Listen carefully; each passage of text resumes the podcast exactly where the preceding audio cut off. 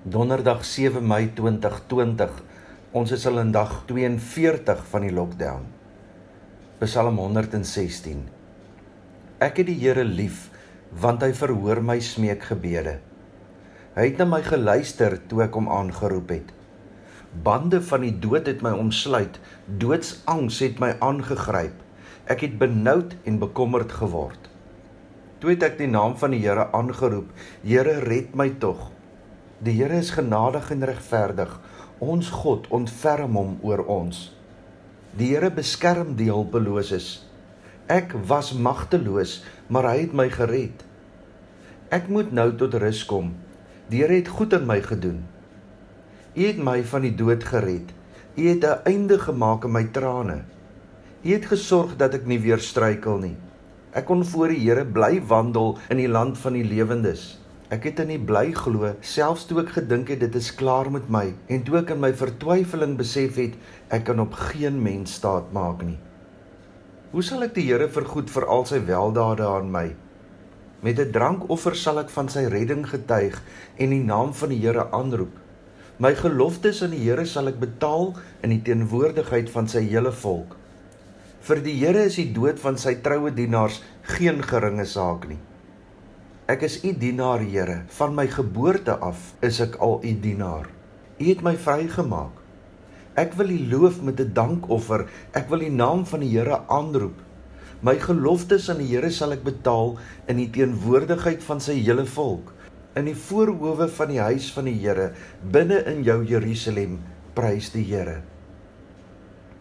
Psalm 116 is 'n lied van iemand wat besluit het om God lewenslang te vertrou, want God hoor jou hart, jou gedagtes, jou emosies, jou vrese en jou vreugdes.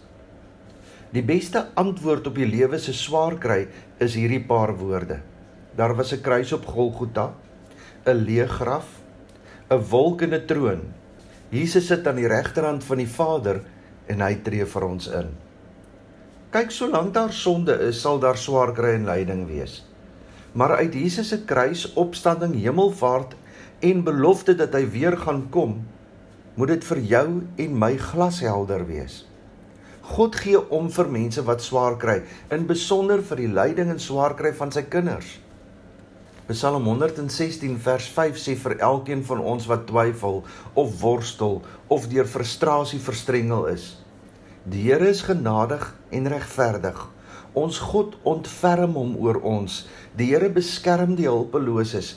Ek was magteloos, maar hy het my gered. Hy luister. God het in Jesus aarde toe gekom nie om ons swaar kry en lyding te verklaar nie, ook nie om dit weg te neem nie, maar eerder om dit te vul met sy teenwoordigheid, soos vers 7 en vers 10 doen.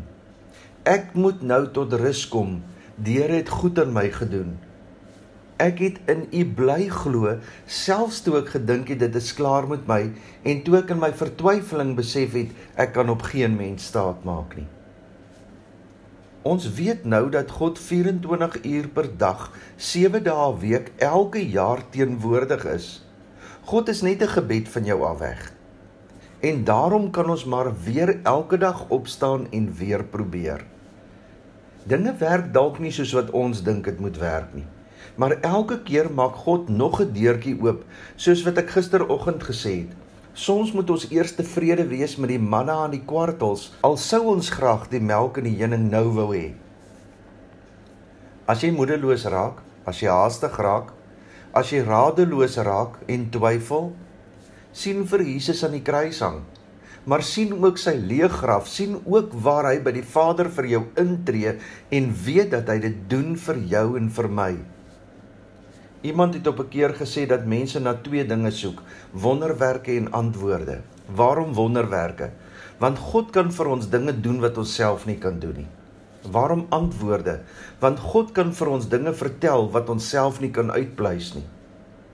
Ons soek 'n lewe sonder COVID-19, sonder onsekerhede, sonder ongelukke, sonder nare ontdekkings, misdadigheid, teleurstellings, noem maar op.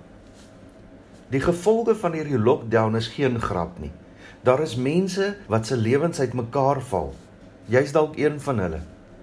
Dit maak 'n mens nie net moedeloos nie, dit vreet ook al jou energie op. Dit bring 'n soort magteloosheid oor jou wat jou van jou lewensvreugde en moed beroof. En vir jou lyk dit asof die res van die wêreld aangaan asof niks verkeerd is nie. Jy moet swem en spartel en die res van die wêreld staan bakkant en ontvang. In hierdie tyd gebeur daar dalk dinge met jou wat geld nie eens kan regmaak nie. Dit is vir baie mense 'n tyd waar hulle hoop in die niet verdwyn asof die gordyn vir jou gesak het en al wat vir jou oorgebly het is net jou nood en jou bekommernis. Jy voel dalk dat jy nêrens het om heen te draai nie, niemand om te raadpleeg nie, nie 'n nommer wat jy kan bel nie. Soos Psalm 116 dit ook verwoord. Dis klaar met my. Toe ek my vertwyfeling besef het, ek kan op geen mens staat maak nie. Jou krisis kan so groot wees dat jy saam met vers 3 dit kan uitskree. Die bande van die dood omsluit my. Waarheen draai 'n mens in hierdie doodsoomblikke? Waarheen gaan jy as jy soos die psalmdigter op geen mens kan staatmaak nie? Soos gewoonlik in die psalms weet ons nie presies wat die digter getuister het of getreiter het nie, maar hy het bloed gesweet en niemand het omgegee nie. Soos iemand ook gister vir my gesê het, Ek sweet bloed, ek trap water, ek snak na asem, ek verloor hoop, maar ek het geen uitkoms nie want ek is nie BEE e compliant nie. Al gee ek werk vir meer as 30 mense. Vir baie mense raak hierdie tyd donker rondom hulle. Net jy en jou krisis. Die mense wat wel luister kan niks daaraan doen nie.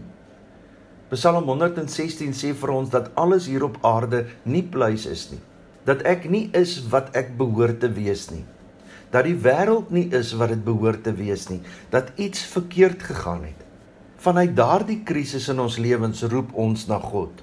Ons geroep is 'n kreet dat God 'n wonderwerk sal doen of dat God 'n antwoord sal gee sodat ons kan verstaan. Hier in Psalm 116 lei die skrywer ons om ons eie ervaring met syne te vergelyk. Die stem in hierdie Psalm het 'n polslag, maar dit is 'n polslag van hoop in 'n hooplose wêreld. Vers 10. Ek het in U bly glo. Selfs toe ek gedink het dit is klaar met my en toe ek in my vertwyfeling besef het ek kan op geen mens staat maak nie. Ek het in U bly glo. Hy het in sy benoudheid na God geroep en God het geantwoord. God het gedoen wat hy self nie kon doen nie. En daarom sê hy: "Hoe sal ek die Here vergoed vir al sy weldade aan my?" Ons moenie verkeerd verstaan nie. Alles is nie vir die skrywer opgelos nie. Sy krisis het nie verdwyn nie, maar hy het vir God in sy krisis raak gesien.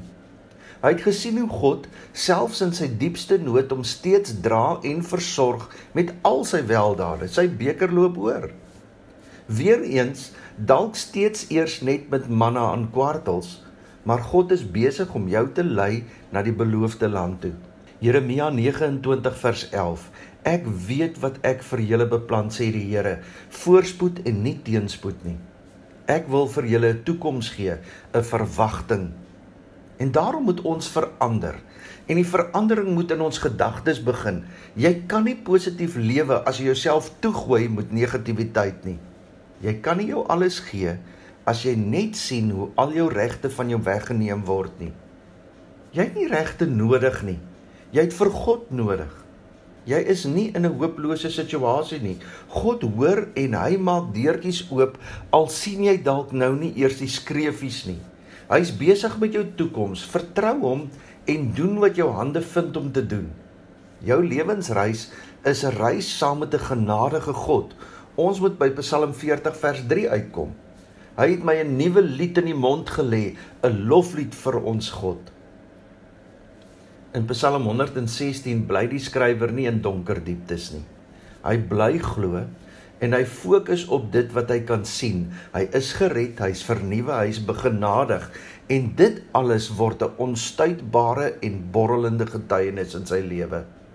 Sy hartseer lied het nou verander in 'n jubel en 'n loflied, 'n lofsang om God te prys. Moet asseblief nie net fokus op dit wat jy nou verloor het nie. Vers 16 sê: "U het my vrygemaak." Fokus daarop. Onthou die rekening vir jou verlossing is onberekenbaar groot. Ek het in U bly glo. Here skenk aan ons die genade lig waar ons net donker sien moed waar ons vrees, hoop waar ons wanhoop, vrede waar ons gemoedere storm, vreugde waar ons hartseer is, krag waar ons swak is, wysheid waar ons verward is, sagtheid waar ons bitter is, liefde waar ons haat. Die Here sal julle seën en julle beskerm. Die Here sal tot julle redding verskyn en julle genadig wees. Die Here sal julle gebede verhoor en aan julle vrede gee.